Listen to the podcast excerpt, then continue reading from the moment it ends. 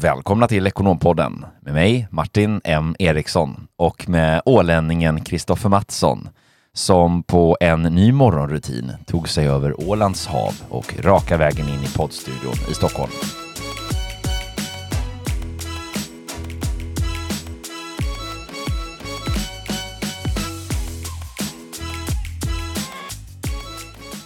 Välkommen tillbaka Martin in i poddstudion. Hur känns det att vara tillbaka? Det känns som att det var, här, det var länge sedan du var här. Det känns nästan som en, eh, ja, en, en nystart får man lov att säga. Ja, men verkligen. Och på, till råga på allt så har vi ju också glesade ut avsnittssläppen lite här under förra året också på grund av både var sjukdomar och korsbandsoperationer och det var lite allt möjligt som ställde till det men nu lovar vi att bli mer eh, konsekventa. Konsekventa, det var det exakt det ord jag sagt. Ja, nej men det stämmer. Det, var, det känns som det var ett litet eh, tag sedan och så missade jag ju JP Phillips också som ju för övrigt om någon har missat detta avsnitt så är det ju alltså pausa oss här nu och lyssna på detta. Det är alltså det föregående avsnittet. Ja, verkligen. Det var eh, jäkligt inspirerande faktiskt att få sitta eh, med honom här i drygt en timme. Det var ett ganska långt avsnitt, men, men för de som inte har lyssnat så eh, in och gör det. Och ja, jag tycker mest synd om dig Martin som inte fick äran att vara med här i studion. Men som sagt, han lovade ju att återkomma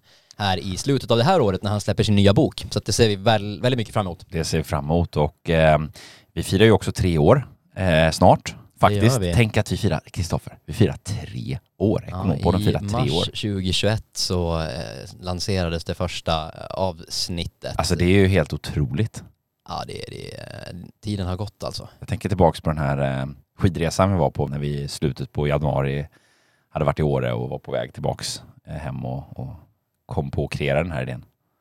Verkligen, då var det coronapandemier och inga afterworks och, och sådär när vi var i år. Det var ganska lugnt i liftarna och i backarna. Då var det afterski i bubbelkoppen med varsin eh, sån här långburk från eh, Systembolaget tror jag. Men trevligt var det. Jag kan säga att jag hade gjort väldigt mycket för att få vara på en bubbelkopps eh, afterwork här i Åre nu. Jag mm, bondas ju fortsatt med, min, med mitt knä som ju, eh, ja, det går åt rätt håll men jag får ju inte åka några skidor eller åka någon snowboard utan det får vänta till nästa säsong. Men någonting behövde jag ge upp för att få ett helt korsband igen. Mm. Ja men eh, så är det, men det, du kommer komma tillbaka och det är inte bara du som kommer komma tillbaka starkare än någonsin, utan det är även Ekonompodden som kommer komma tillbaka starkare än någonsin. Poddåret 2024 har ju väldigt, väldigt mycket spännande att bjuda på.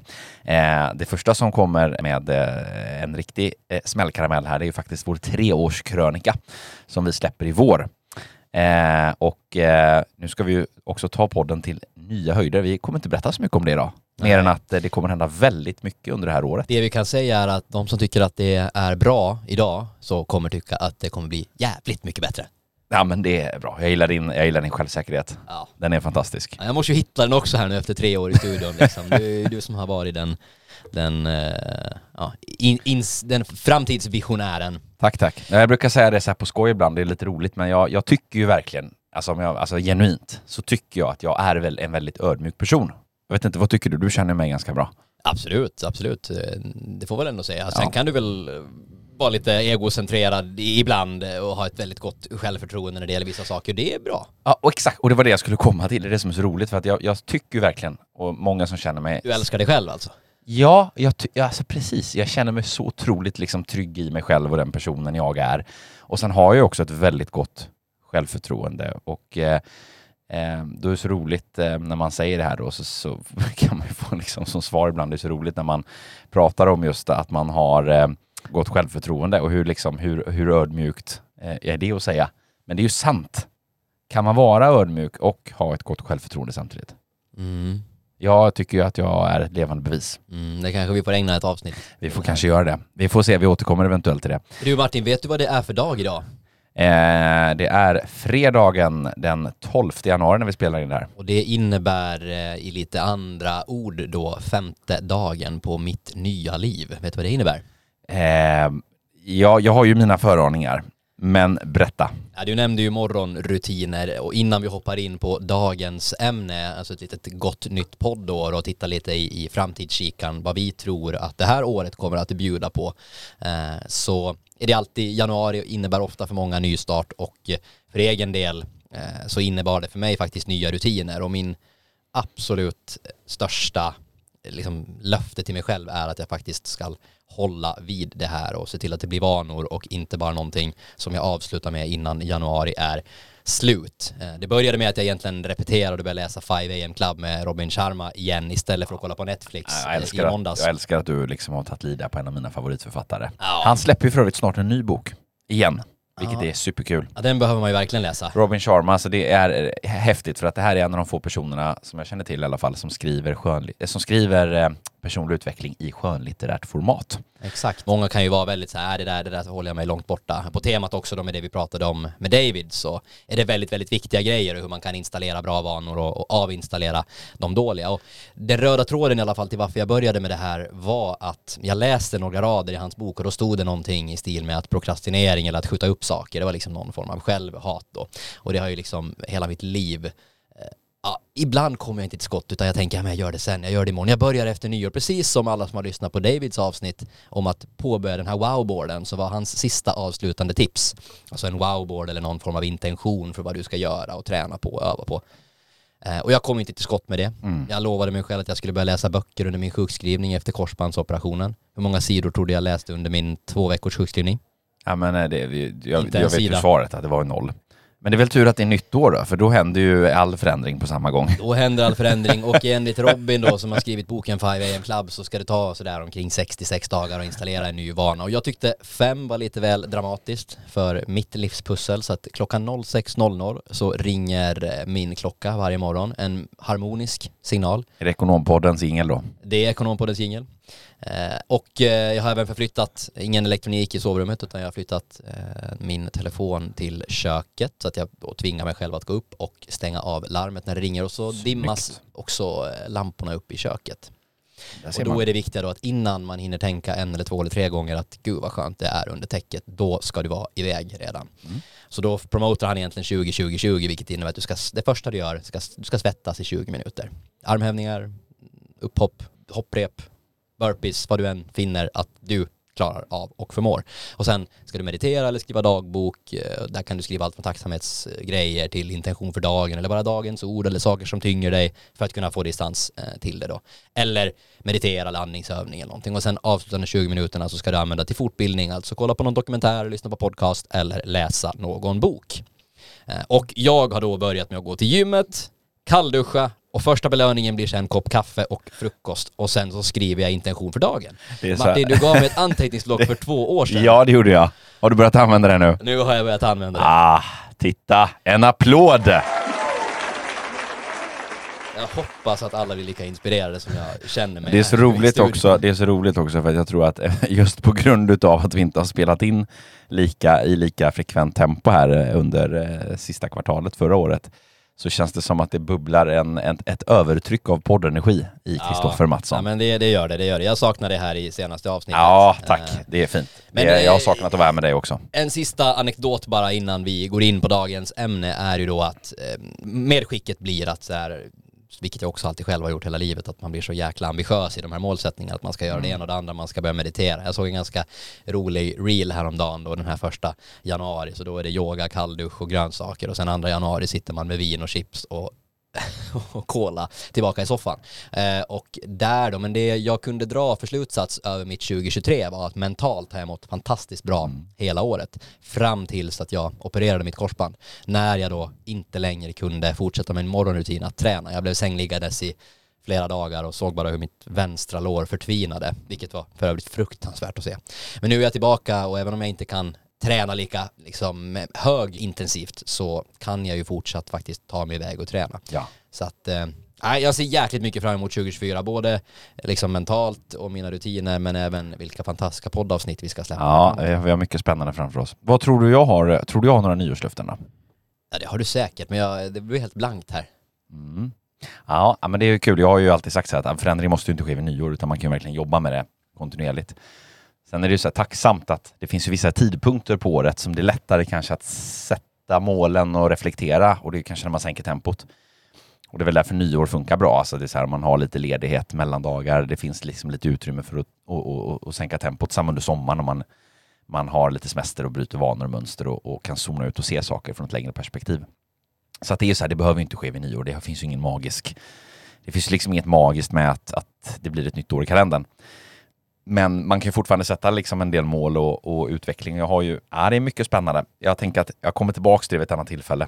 Ja, för att idag det. kommer vi bli alldeles för långrandiga här uppsnacket annars. Ja, men, men det är bara innan vi lämnar det. Det du måste göra med mig är att se till att hålla mig on track. Jag har ju nedräkning på telefonen nu. Nu det, står det 62 dagar kvar och det är alltså alla vardagar som det här ska ske. Så om du märker att jag faller ur kursen här, då får du hjälpa mig tillbaka på, på track. Så står vi här 15 mars en fredag och skålar in champagne att jag automatiserat vanan att gå upp klockan sex alla vardagar. Det gör vi och eh, om du eh, kommer av tracken så lovar jag att ringa dig med en, ett signalhorn.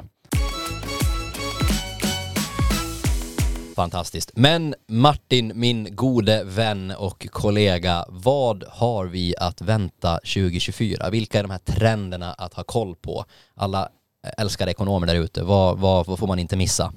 Ja, eh, verkligen. Vi tänkte vi tar eh, de stora penseldragen här så ska vi fördjupa oss här under kommande veckor framöver. Eh, lite fördjupningsavsnitt, men eh, ändå de stora penseldragen och, och eh, makroekonomiskt så, så eh, har vi väl kanske att vänta eh, lite räntesänkningar framåt. Jag tror att vi har ju nått, nått toppen eh, med största sannolikhet. Ja, och det är många eh, experter och chefsekonomer som, som verkar i alla fall tro det. Och Konjunkturinstitutet vet jag att, att spår att ja, men, Sveriges ekonomi kommer att börja växa igen. Eh, och det är även en försvagad arbetsmarknad som man kommer att se här under året, omkring 7 procent vid, vid årsskiftet och man prognostiserar att det kommer landa på runt 8,5 för, för året. Och en inflation Eh, på runt 3 och 4 procent. Men många då chefsekonomer menar ju då, bland annat Annika Winst som vi pratade om, så tror väl att det kommer normaliseras på någonstans omkring 2 procent.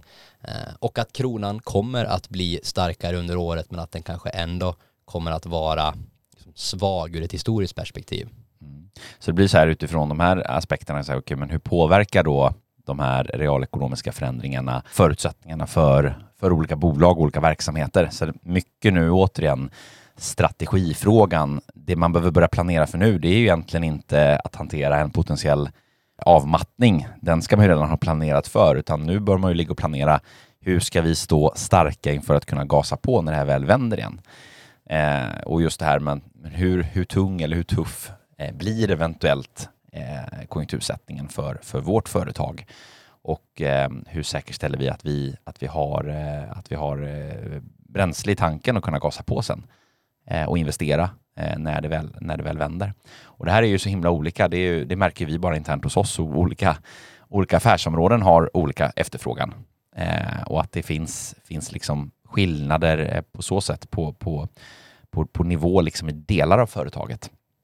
Så just den, den analysen och scenariomodellering är väl sådär om man ska översätta det till lite mer då mikroekonomiskt perspektiv, eh, någonting som blir aktuellt. Att, men det, normalt sett under en stark konjunktur så är det ju hela tiden bara att gasa, frågan är bara hur mycket. så. Men just nu är det så här, okay, men nu kanske vi ska kombinera då ett bromsläge med att stå redo sen att, att gasas ur. Och jag tänker också lite grann för de som har lite tuffa eh, rent eh, ekonomiska förutsättningar och, och sådär rent eh, likviditetsmässigt också så tänker jag att tipsa lite grann om det här avsnittet i höstas som vi spelade in på, på just temat eh, cost efficient growth. Ja, exakt, med Marie Ahlberg. ja.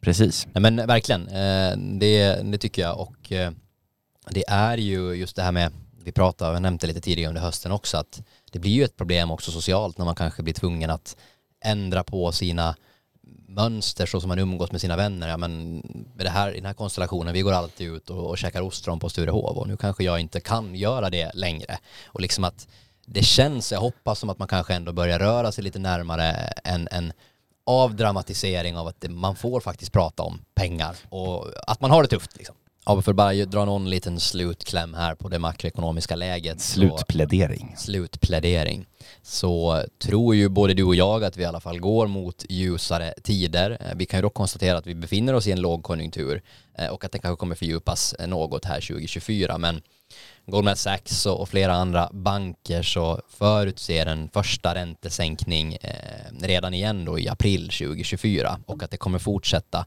sänkas eh, under året tills man når eh, ja, men omkring 2-2,5 procent i slutet av, av året. Så vi får se vad vi har att vänta oss.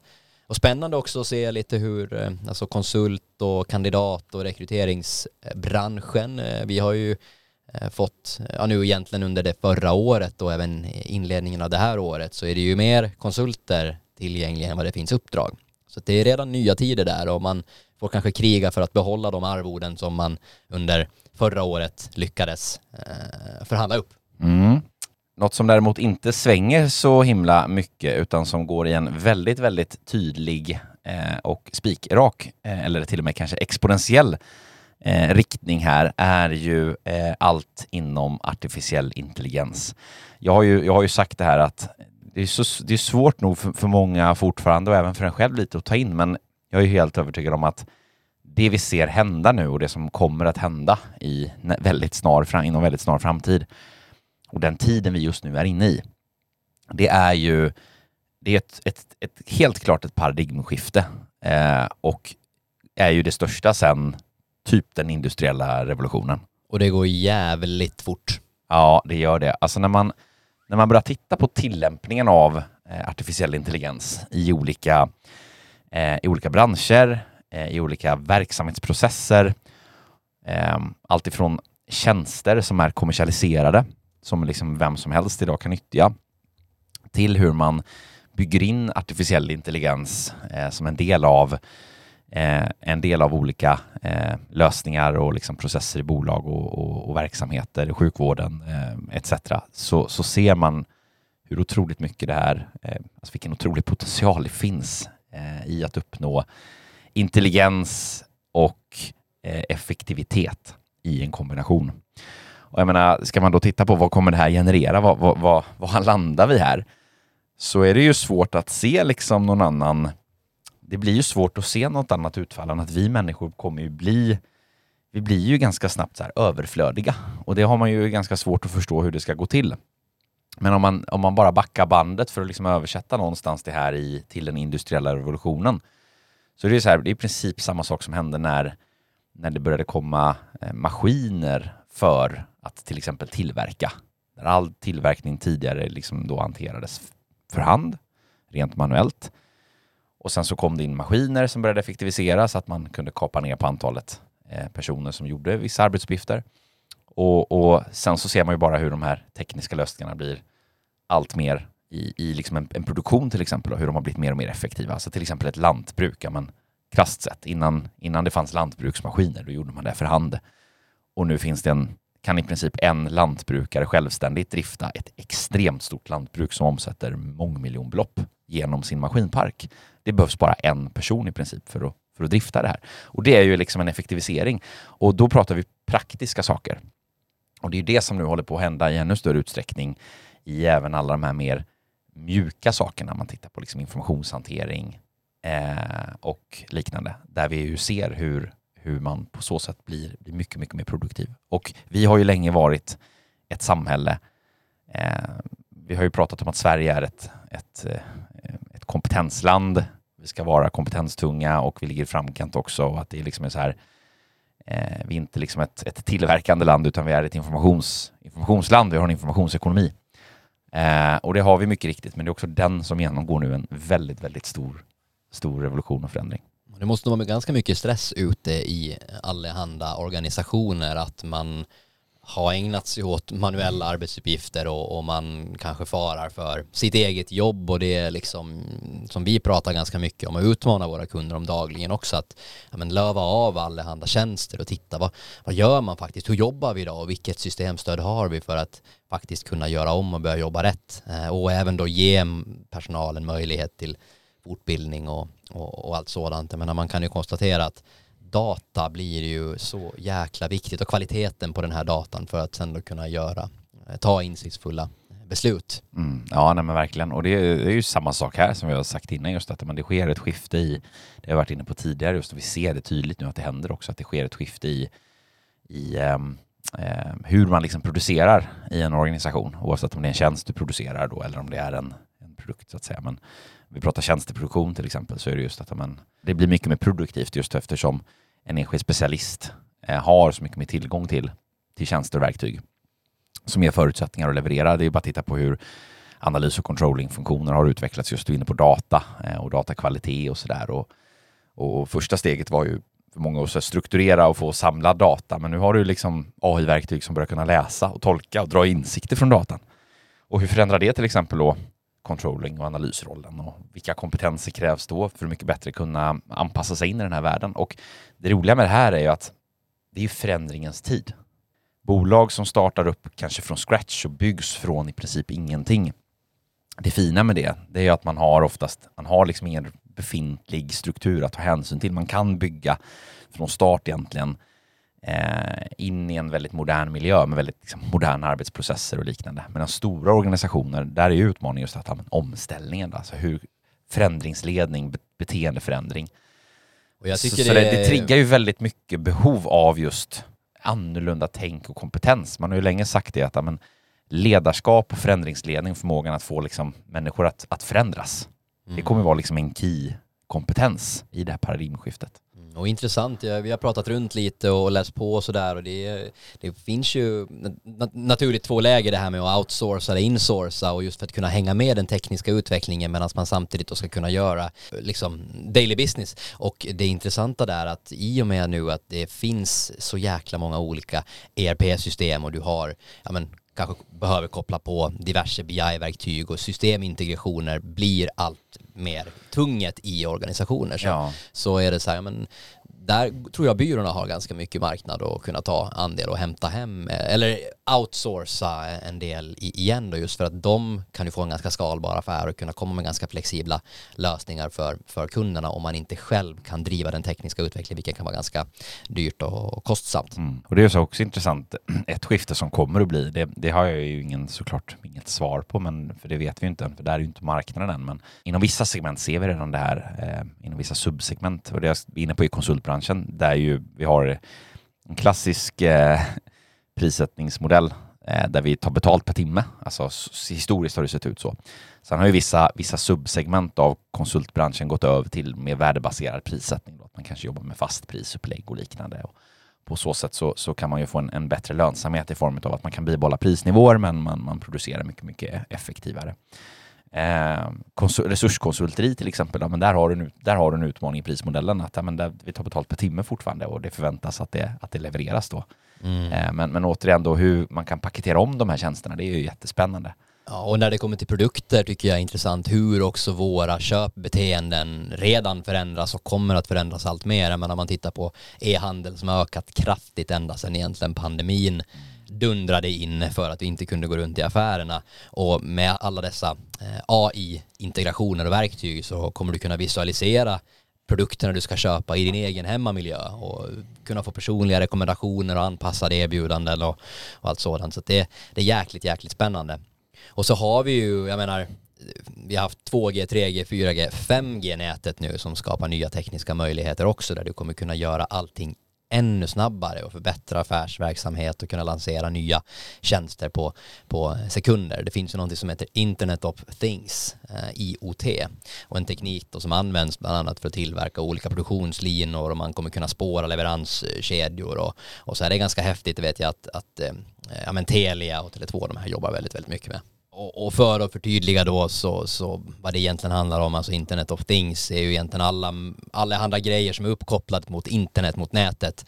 Oberoende om det är lampor som du kan fjärrstyra med din telefon som i min uppvakningsritual eller om det är en fjärrkontroll till bilen så kan man göra det här alldeles, eh, alltså mycket, mycket snabbare för det trådlöst det bandbredden ökar och man kan koppla samman olika typer av saker och länka dem. Typ som när du säger att du vill eh, att din Google Home-assistent eh, ska handla eh, dina grejer åt dig när du lägger det på listan och vad kylskåpet är tomt med. En annan trend vi ser kort för det här året också som jag eh, kan passa på att nämna som ju går eh, lite grann också kopplat till, vi pratar om, om konsultbranschen och eh, omställningar och konjunktur och sådär. Det är ju mycket den här efterfrågan då av eh, deltidsprojekt. Och det, vi har ju, gigekonomi har vi snackat om länge, det, det är ju inget nytt egentligen, men nu ser vi ju tydligt också hur bolag köper in spetskompetens fast som tjänst istället i eller i ändå en mindre omfattning. Att man kanske vill ha, jag tänker CFO as a service till exempel, det är ju en sån här efterfrågan som vi starkt ser hos många bolag. Att, men, vi behöver inte ha en CFO, vi ska inte ha en anställd CFO, utan vi har en anställd ekonomichef och sen köper vi in CFO-kompetensen. När vi behöver göra mer, större och tyngre grejer. Verkligen så men en annan trend är ju då också blockchain. Vi har dedikerat ett avsnitt om det tidigare, men dels då hur du kan ta beslut i realtid, alltså en controller kan ta ett beslut när, när konkurrenterna höjer eller sänker priserna. Hur ska vi agera? Men också då här nyligen i, jag tror det var faktiskt i veckan som amerikanska eh, värdepappersmyndigheten godkände då att man kan handla på börsen via då ETFer med kryptovalutan bitcoin som är en då ethereum har vi också pratat om då som, som bygger på blockchain-tekniken. Um, så och krasst då om någon handlar en andel i en ETF-fond med bitcoins för en krona. Så då kan bolaget bakom fonden köpa bitcoins för samma belopp, vilket ju egentligen i praktiken gör att bitcoin som tillgångslag får ett, ett större ja, Större legitimitet. Större legitimitet. Mm. Uh, och det var ju en ganska stor sån här uh, ja, framåtanda i, i, i, den, i den branschen då, eller marknaden. Och naturligtvis så leder det här också till större risker, alltså både med artificiell intelligens, med blockchain, men då IT-säkerhet, cybersäkerhet som vi ju också har pratat om tidigare, bland annat då när vi gästades av Magnus Linkvist från, från PVC som ju nämnde tycker jag väldigt, väldigt bra, viktiga saker. Mycket handlar ju om att utbilda kontinuerligt personalen. Vi har ju till exempel en tjänst hos oss Martin där vi får sådana här mail, fishy mail och sånt och så blir man en loser om man lyckas trycka på, på, på fel eh, länk och sådär. Men det handlar ju om att hela tiden hålla sig påkopplad och där blir buset bara bättre och bättre och skickligare och skickligare. Och, eh, I vissa branscher då, så jag tror det är i slutet på året, så har det kommit ett EU-direktiv eh, som heter NIS 2 eh, som kommer börja gälla under hösten då och eh, det, då kan det bli krav på att man behöver ha till och med en extern eh, partner som har hand om IT-säkerheten. Men krasst är det då att du kommer behöva ha en mer robust eh, IT-säkerhet och det är ju väldigt, väldigt bra. Jag fick här om veckan, om månaden, något, med, något mail eller sms från Easy Park till exempel att de hade blivit, det hade skett något intrång där och det var ingenting som var någon fara men de valde ändå att liksom meddelade till, till kunderna. Jag menar jag har köpt parkering någon gång för, för länge sedan så då fanns jag i deras register. Och jag läste någon studie om att jag tror det är 30 procent ungefär av alla brittiska företag som blir eh, utsatta för någon form av eh, IT-relaterad attack varje vecka. Det är ju helt otroligt. Mm. Ja, nej, men verkligen. Det är ju, om man också tar en kort spaning på det eh, kopplat till eh, det säkerhetspolitiska läget i omvärlden just nu så är det ju en, en, det är en högaktuell fråga.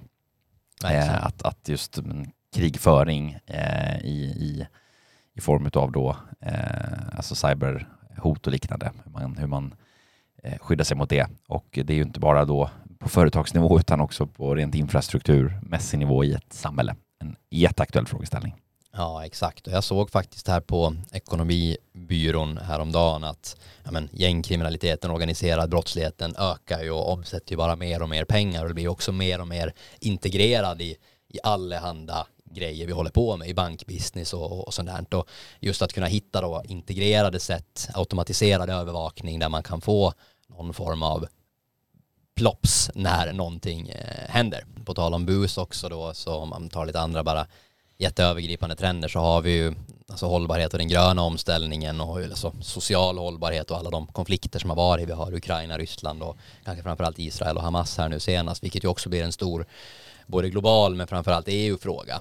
Vi har ett stundande presidentval i USA här till hösten, eh, vilket ju också kommer att, att inverkar naturligtvis eh, på många olika sätt och den stora då sociala hållbarheten som vi har pratat om tidigare, vi har ju några avsnitt dedikerade till det här ämnet, så vi ska inte bli så långrandiga men förnybar energi och då för att tackla klimathotet och hållbara matbeteenden och, och allt vad det är. Men något som är intressant är att jag tror att vi kommer se många, många fler initiativ likt det här Sandqvist-initiativet som jag pratat om tidigare, att man går ner då i antal arbetstimmar och arbetstidsförkortar eh, men då eh, ska behålla samma liksom, produktivitet och samma lön. Eh, eller man hoppas kunna upprätthålla samma produktivitet. Och det här görs nu faktiskt inom den tyska stålindustrin som ju ofta varit ganska långt fram gånget och jag tror majoriteten idag där så jobbar faktiskt 35 timmars arbetsveckor. Men där håller man nu på med en vetenskaplig studie, någon pilot där man kommer Eh, jag tror det är 50-60 000 eh, anställda som det kommer att gälla då om det här går igenom.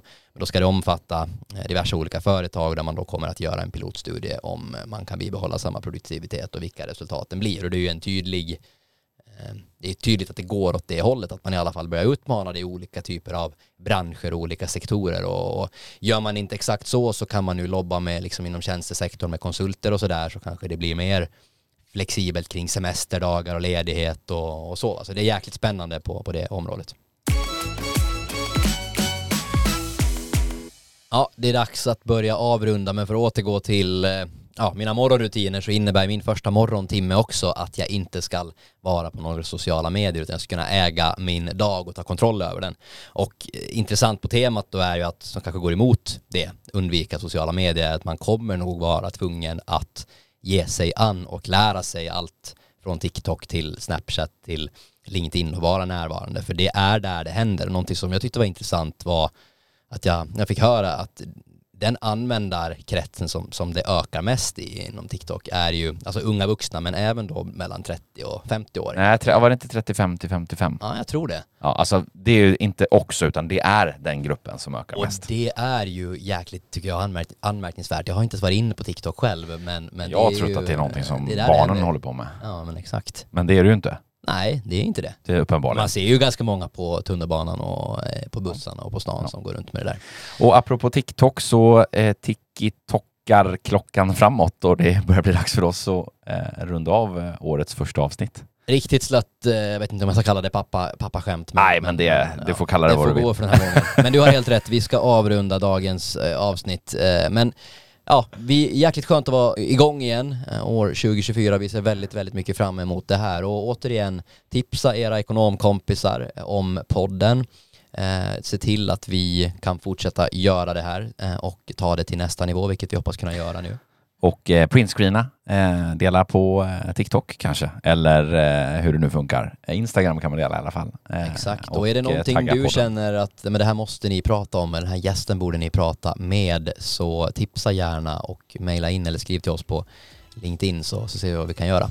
Och med det så, så vill vi tacka för den här gången och så hörs vi igen. Inom kort. Det gör vi. Ha det gott. Ha det bra. hej. hej, hej.